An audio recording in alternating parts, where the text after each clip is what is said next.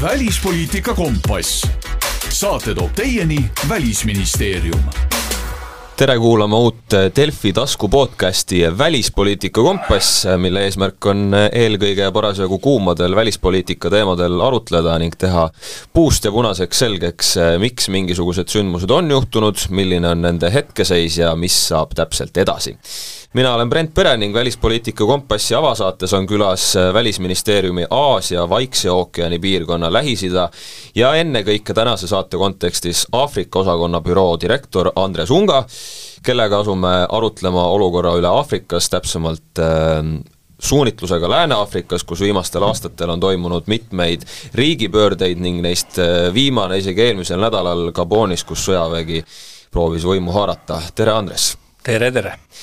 alustame algusest ja sellest, et eh, miks viimastel aastatel ja ka lausa viimastel nädalatel, kuudel on eh, järjest riigipöördeid tulnud, no Mali ja Burkina Faso alles olid, Sudaan samuti on selline ääri-veeri ja nüüd äh, alles suvel äh, Niger ja viimasel nädalal Gabon ja me räägime just nimelt sellest samast äh, Lääne-Aafrikast, no kõlab justkui täpselt nii, et üks tegi ära ja siis hakkas neid järjepanu tulema, said üksteisest in-, inspiratsiooni, et miks see seal praegu järjest niimoodi on läinud?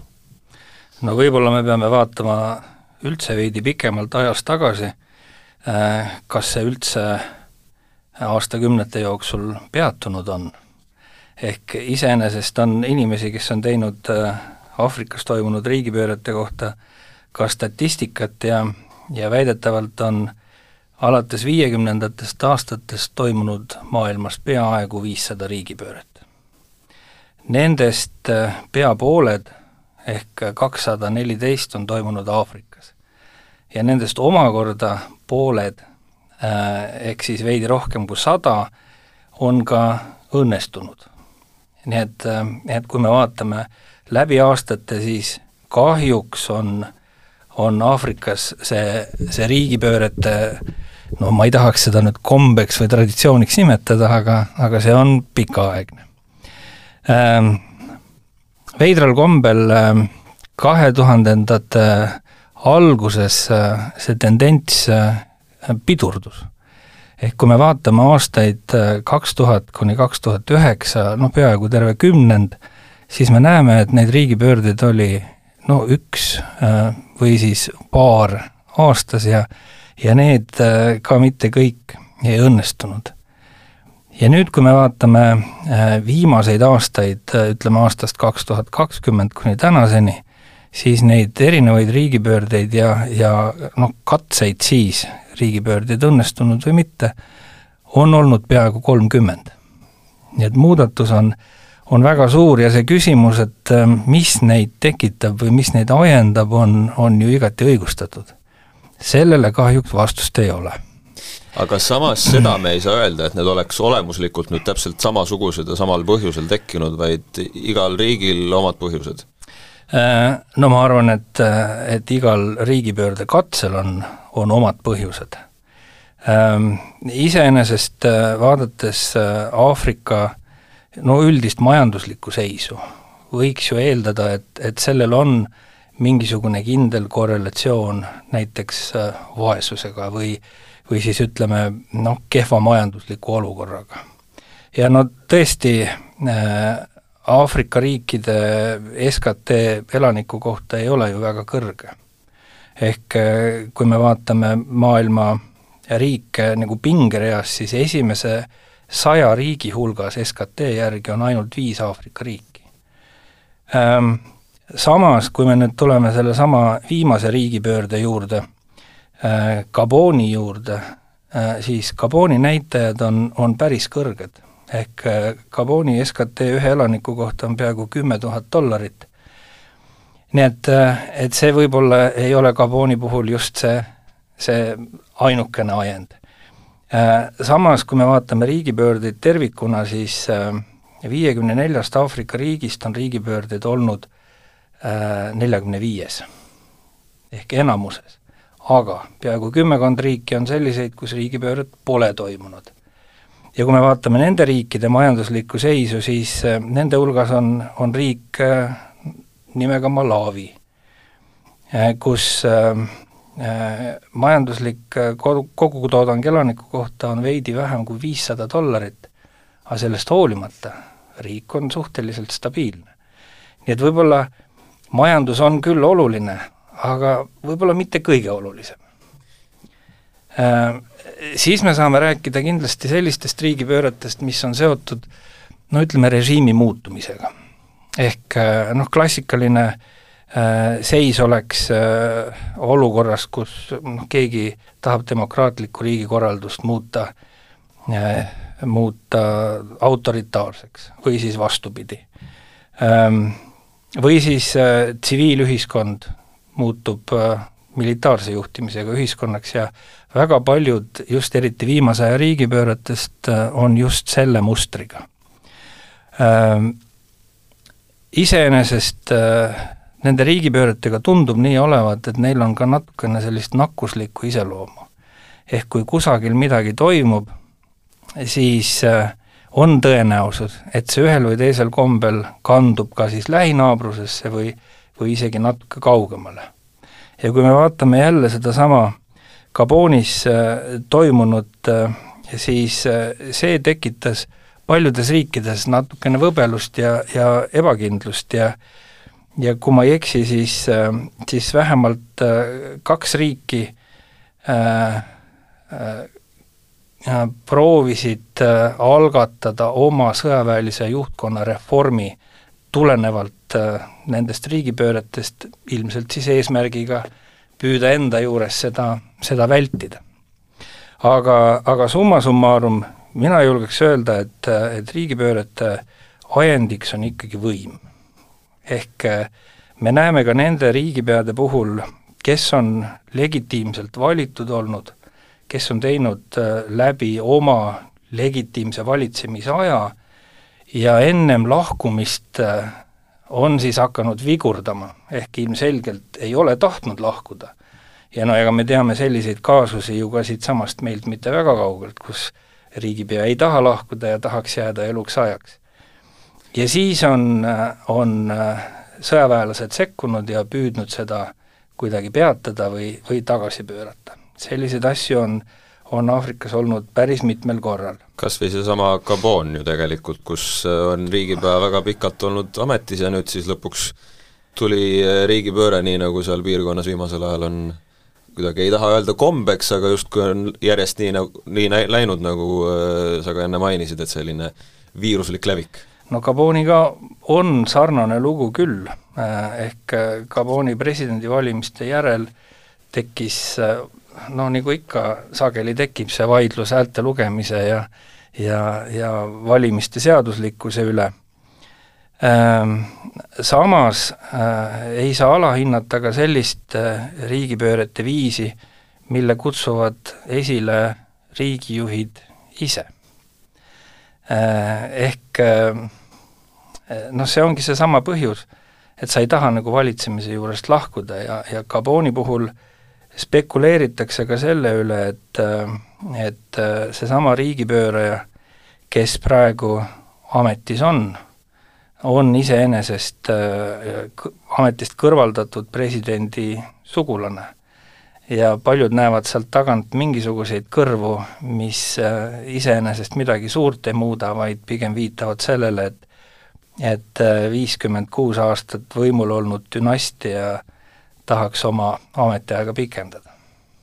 samas, kui nüüd kogu selle piirkonna peale mõelda, siis äh, olgu neid äh, riigipöörajaid on seal äh, väga palju, aga sageli ikka ja jälle pei-, on seal ka kellegi teise huvid peidus äh,. Eelkõige on just selles piirkonnas räägitud Prantsusmaast, kunagi oli või siiamaani on ka kasutusel ju äh, mõiste kasutusel, et miks jätkuvalt äh, Prantsusmaa huvid seal on või siiski võib öelda, et need nüüd, mida aeg edasi, seda rohkem hakkavad seal piirkonnas hääbuma?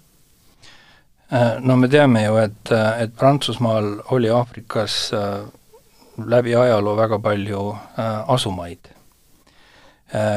Viiekümnendate lõpust, kuuekümnendate algusest toimus suur iseseisvumise periood ja, ja paljud riigid saavutasid siis oma reaalse iseseisvuse, aga see ei tähenda, et need ajaloolised sidemed Prantsusmaaga päevapealt katkeks. ehk noh, loomulikult Prantsusmaal on seal oma ajalooline pärand ja, ja sellega seoses ei ole võimalik kõike, kõike päevapealt muuta iseasi, kuidas seda tänapäeva kontekstis äh, püütakse välja mängida. ehk äh, nagu me teame, äh, on ju ka kolmandaid osapooli, kes, kes püüavad väga tugevalt rõhuda just sellele kolonialismi või siis isegi new kolonialismi kaardile. Ja noh, kui me paneme ennast inimeste olukorda, eriti mm, kehvemal majanduslikul järjel olevates riikides, noh loomulikult pahameel on ju suur, vahel on see pahameel suur ju täiesti anonüümselt, sa ei teagi, kelle vastu ja ja siis, kui sulle see võimalus antakse välja elada, no siis sa seda ära kasutad. ja oskuslikul juhendamisel, ja ma usun, et me seda nägime just Nigeris eelkõige, kui oskuslikult seda keegi kusagilt juhtis, ega me ju tänase päevagi ei tea täpselt, kes seda kust juhtis, aga aga minul on küll väga raske uskuda, et, et kellelgi oli kusagil just sellel päeval äh, Vene lipuvabrik, mis tootis kõigi jaoks neid Vene lippe, millega inimesed äh, tänaval lehvitama tulid. nii et, äh, et paljus ikkagi kas tahame või ei taha, see ajalooline pärand tuleb, tuleb meile kaasa ja ja läbi nende riigipöörete me tegeleme iseenesest ka selle selle ajaloolise osaga. Jah, just äh, ka Nigeris olid ju laiaulatuslikud protestid, et äh, täpselt needsamad äh, Prantsuse siis väed sealt lahkuksid, aga miks üldse on see piirkond jätkuvalt nii huvitekitav, nagu sa praegu mainisid ka, need kolmandad osapooled seal äh, nii Venemaa üritab oma mõjuvõimu kasvatada, aga islamiriik on tegelikult ka näiteks Malis ju kahekordistanud umbes aastaga oma sellise valitsemisala. mis neid seal niivõrd huvitab, kas need on maavarad või miski muu? no eks suurematest mängijatest äh, tuleb siia juurde liita ka kindlasti Hiina.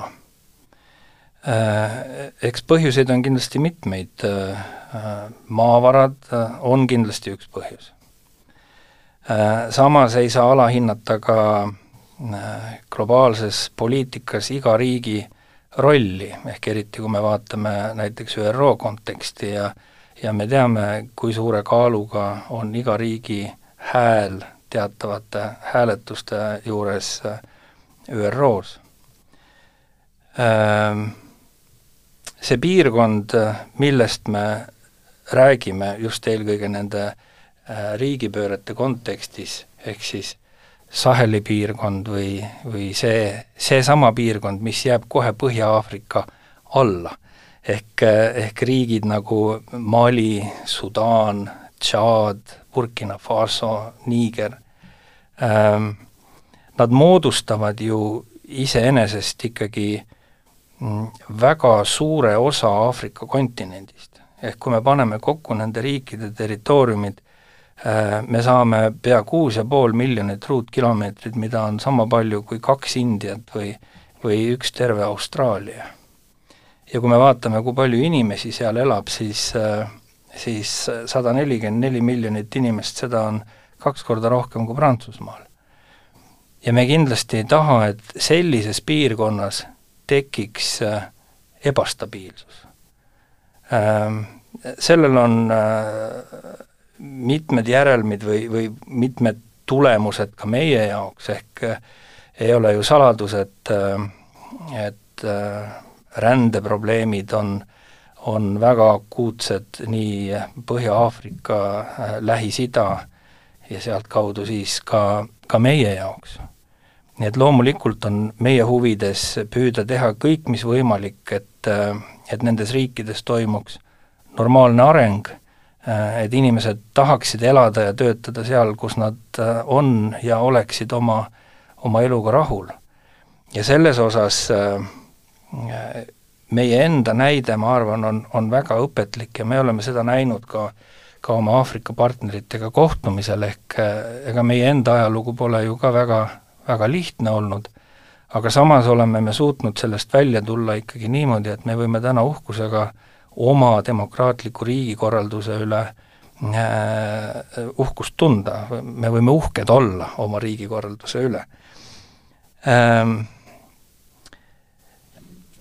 aga kuidas sealsamas piirkonnas siiski praegu see ka olgu see siis Venemaa või Islamiriik või äh, Hiina, on suutnud seda enda asja ajada, et äh, praegu on ju siiski Prantsusmaa pigem võtnud selle suuna, et nad viivadki oma vägesid sealt välja, mis omakorda võib ka luua selle, et äh, jääbki nendele teistele riikidele siis sinna rohkem mõjuvõimu. no eks me võib-olla peame natuke endale ka tuhka pähe raputama, et äkki Aafrika kui kontinent ei olnud meie jaoks nii olulisel äh, kohal, kui ta, kui ta võinuks olla. ja, ja teised on, on seda ehk suutnud natukene paremini ära kasutada. jällegi, kui me räägime Venemaast, äh, juba Nõukogude Liidu päevil äh, olid äh,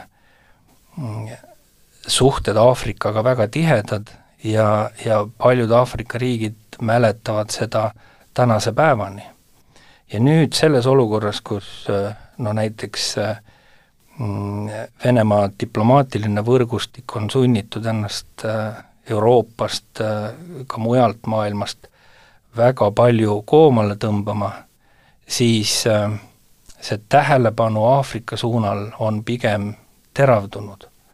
hiinlased täpselt samamoodi. ehk äh, hiinlaste lähenemisnurk on olnud natukene teistsugusem, see on pigem olnud äh, majandusliku suunitlusega äh,, laenud äh, ja abirahad, mida Hiina poolt on antud, ei ole iga kord äh, mitte heategevus, vaid äh, see toob hiinlastele tagasi kas ühel või teisel kombel. Äh,, üks komme on siis teatavate sõltuvuste tekitamine. Me ise oleme sellest võib-olla olnud jah, natukene, natukene eemal, ärganud liiga hilja, võib-olla mitte veel liiga hilja, jaa, et me oleme ärganud ja, ja eks see mõjuvõimu üle äh, võitlus võib-olla ei ole õige sõna, aga aga enda koha leidmine äh, praegu käib. aga seda siiski saab ju äh, peamiselt teha siiski selliste äh, pigem demokraatiale suunitletud riikidega, kuigi seal viimasel ajal on see tendents kuidagi vastupidine, et pigem äh, minnakse rohkem äärmusesse, kui et äh, demokraatia poole. eks, eks see para-, paradoks äh, ilmselt selles ka seisneb, et kui me ennem rääkisime nendest erinevatest riigipöörete põhjustest, siis me lõpuks jõuame ikkagi selleni välja, et demokraatia või see demokraatlik riigikorraldus on see, mis aitab ka Aafrika riikidel edasi liikuda. ja, ja kui me vaatame neid riike, kes on olnud oma eluga rahul ja, ja kus riigipöördeid pole toimunud, siis hoolimata sellest, kas nende äh, majanduslik heaolu on kõrgemal või madalamal tasemel, nad on kõik demokraatliku elukorraldusega riigid ja tundub, et see läheb inimestele kõige rohkem korda ehk isegi, kui su majandus ei ole heal järjel, kui me saame sellest kõik ühtemoodi aru ja töötame ühes suunas, äh, siis see on, on ju okei okay.. aga, aga samas äh, vaadates äh, selle piirkonna riike, nad ei ole ju vaesed. Kui me vaatame neid maavarasid, mis sealt leida võib, korraliku majandamisega ilmselt saaks iga riik endale sealt läbi jalad alla korruptsioon on ilmselt üks suuremaid põhjuseid, miks selline ebavõrdsus on tekkinud äh, ja, ja paljud väljaastumised valitsuse vastu on ka sellest ajendatud. nii et jällegi, äh, võim võimuks, aga, aga kui inimesed saavad lõpuks äh, oma riigi juhtimise nii-öelda tõeliselt enda kätte, siis ilmselt lahenevad ka kõik need probleemid üks äh, rühmitus, mitte rühmitus, aga ühendus, äh, mis veel sealsamas piirkonnas äh, üsna usinalt tegutseb, on Lääne-Aafrika riikide majandusühendus ehk ECOWAS ja ka nemad on seal juba tõstnud seda üles, et kui diplomaatilised meetmed näiteks Nigeri puhul äh, Äh, senise presidendi võimule ennistamiseks ei toimi, siis saadab Ühendusriiki interventsiooni jõud. Mis seal siis äh, täpselt see ECOWAS ajab ja kas tõesti neil on nii suur mõjuvõim, et nad suudavad riigipöörde ära hoida või tagasi pöörata? no ECOWAS on üks äh, piirkondlikest organisatsioonidest. ja no tahame või ei taha, selleks, et, et laiemas regioonis oma elu korraldada, riigid peavad ju kuidagi omavahel seda kõike toimetama. ECOWASiga on liitunud äh, viisteist äh, riiki, äh, pea kõik need viimase aja riigipöörderiigid on, on nende hulgas. Ja noh, olgem ausad, need suured probleemid nendes Aafrika riikides on ju ikkagi Aafrika enda probleemid. Väga raske on minna kusagilt mujalt pool dotseerides hakata kedagi kusagil õpetama, ehk ehk sellest tulenevalt peavad äh, aafriklased ka ise neid lahendusi leidma. ja kui selline piirkondlik organisatsioon on olemas, ta on elujõuline, siis äh, ilmselgelt on sellel organisatsioonil ka mingi roll mängida kui see organisatsioon on enda rolli teadvustanud ja, ja neil on mingi plaan, siis äh, ma usun, et, äh, et meie kõigi jaoks äh, on hea seda organisatsiooni ja neid plaane ka toetada. ehk lahendused ikkagi saavad sealtkaudu tulla. Ähm, no ECOWAS on, on püüdnud äh, kasutada erinevaid viise äh, siis riigipöörde läbi teinud riikide mõjutamiseks näiteks Nigeri puhul, kui, kui riigipööre aset leidis, äh, rakendati äh, Nigeri vastu erinevaid majandussanktsioone. Neid rakendati Nigeri kui riigi vastu tervikuna, äh, kaasa arvatud osa Nigerist kaotas elektrivarustuse, inimesed ilmselt kannatasid rohkem kui need, kes seda pööret korraldasid, nii et jällegi ma isiklikult ei oska öelda, et kas selle kohene rakendamine oli otstarbekas. aga ECOWAS-i poolt on rakendatud ris-, rida sanktsioone äh, Nigeri praeguse ehk siis selle võimu üle võtnud äh, juhtkonna vastu äh, ja ilmselt sellega jätkatakse. teine mõjutusviis on olnud äh, sõjaline nojah, see kukkus ka jälle kuidagi niimoodi välja, et et alguses anti nädal aega selleks, et olukord taastada ja öeldi, et kui te seda nädala jooksul ei tee, siis me tuleme ja pöörame selle jõuga tagasi. Ja siis läks nädal mööda ja mitte midagi ei juhtunud, et ühed ei, ei lahkunud võimu juurest ja teised ei pööranud seda ka jõuga tagasi. aga ähvardused on siiamaani õhus ja väidetavalt on siis ECOWAS-i sõjaline pool teinud ka oma planeerimise, äh, kuidas äh, Nigeri, Nigeriga siis toimetada. pilt on palju keerulisem äh, tänu sellele, et, et ECOWAS-i esimeste hoiatuste peale võtsid sõna ka Burkina Faso ja Mali, kes ütlesid, et niipea, kui te kavatsete Nigerit rünnata, niipea me võtame seda kui rünnakut enda vastu. ja kuuldavasti on, on nii Burkina Faso kui Mali viinud Nigerisse ka oma olemasolevad lennumasinad, ma ei oska nüüd öelda, kui suur on täpselt ühe või teise riigi lennuvägi või mis masinaid nad kasutavad, aga vähemalt öeldakse, et need, mis õhus püsivad, need on nüüd Nigerisse viidud. kui see peaks nüüd arenema tõesti sõjaliseks konfliktiks, siis muudab see olukorra ikkagi hästi keeruliseks. ehk äh, siis me ei räägi enam ühest riigist, me räägime terves piirkonnas toimuvast konfliktist äh, või sõjast. Ja ma arvan, et see on olnud ka põhjus, äh, miks sellist omamoodi pokkerit on mängitud ja vaadatud, et kes enne pilgutab ja ma ei teagi nüüd, kumb enne pilgutas, aga, aga seis on, on õnneks selline, et, et suurt sõjategevust äh, ei ole. aga endiselt äh, ECOWAS kui piirkondlik organisatsioon äh, kannab märkimisväärset rolli selle olukorra lahendamisel ja, ja me oleme seda teadvustanud ka Euroopa Liidus ja, ja me püüame seda organisatsiooni ka enda poolt toetada aga nüüd, kui ECOWAS tõesti äh, lähekski sellele niinimetatud rünnakule, siis see tegelikult ei oleks päris see lahendus, mida meie siin ootame? no jällegi, no mis lahendust meie siin nüüd oodata oskame, et äh, oluline on ju sellele, see probleem äh, kuidagi ühele poole saada. Kui äh,, kui seal nii otsustatakse, et sõjaline tee on see, see õige ja ainuke, no mis me siin siis teha saame või kuhu hüppame, aga aga loodetavasti see sinnamaani ei lähe, ehk tekib ikkagi mingi muu alternatiiv. milline see võiks olla, mul ei ole õrna aimugi. minu meelest on tegu sellise klassikalise punnseisuga, kus kõik on andnud endast parima selleks, et, et üksteist nurka mängida ja, ja nüüd sealt nurkadest üksteist ka põrnitsetakse.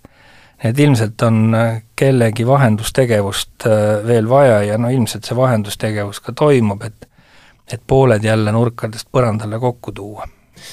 ja kui nüüd võtta see asi kokku, siis äh, arvestades praegust olukorda ja mõelda kogu nende riigi rahvaste peale, lugesin uudiseid, et näiteks Gabonis on juba turud suhteliselt tühjad, et seal isegi ei müüda enam väga palju äh, kaupa inimestele. kuhu see nüüd lähiajal tüürida võib, seda lahendust otsitakse, loodetavasti see lõpuks tuleb, aga millist mõju see kogu piirkonna arengule võib äh, anda? no keerulist muidugi, rasket mõju, ehk, äh, ehk sellised äh, muudatused, sellised riigipöörded, need tekitavad suuri muudatusi olemasolevates tarneahelates ja ja kui me räägime ka sanktsioonidest, need piiravad ju veel enam kaupade liikumist ja no tavaliselt on niimoodi, et kui kui kusagil riigipööre aset leiab, siis äh, need riigipöörajad ise rakendavad erinevaid meetmeid, äh, alates äh, riigipiiride sulgemisest, üldse kõigi valitsusasutuste töö peatamisest, õhuruumi sulgemisest kuni hunt teab milleni välja. ehk see kõik äh, avaldab oma mõju sellele igapäevaelule, sellele elule, mida, millega inimesed hommikust õhtuni peavad silmitsi seisma. Nii et sellest vaatevinklist on see, on see kõik äh, väga keeruline. Äh, samal ajal mm, on otsustatud väljaspoolt ka seda, et et riigid, kes on äärmiselt sõltuvad välisabist, seda abi saavad endiselt Äh, ja humanitaarabi püütakse jätkuvalt nendesse riikidesse saata. Ehk kui me vaatame, mis toimus äh, äh, Sudaani või, või nüüd eriti Nigeri puhul, siis, siis kõik riigid on peatanud peaaegu kõik projektid, mis nende riikidega on, on toimunud. Sellel on kindlasti väga suured mõjud, näiteks Nigeri puhul äh, ka Euroopa Liit oli äh, üks suurematest Nigeri riigieelarve toetajatest, ehk me aitasime riigieelarvet nii-öelda täita tulupoolega. Äh, see pool on nüüd kõik seisma pandud, ehk seda enam ei ole, ka kõik muud koostööprojektid on peatatud, ehk alles jääb siis ainult äh, humanitaarabi, ehk isegi mitte arenguabi, mis on veel nagu kraadike kõrgem, aga just humanitaarabi, et inimesed saaks selle eluks äh, hädavajaliku ikkagi kätte. loodame tõesti, et see piirkond äh, kuidagi stabiliseerub, äh, Välisministeeriumi Aasia Vaikse ookeani piirkonna, Lähis-Ida ja Aafrika osakonna büroo direktor Andres Unga, suur tänu stuudiosse tulemast! suur tänu! välispoliitika kompass saate toob teieni Välisministeerium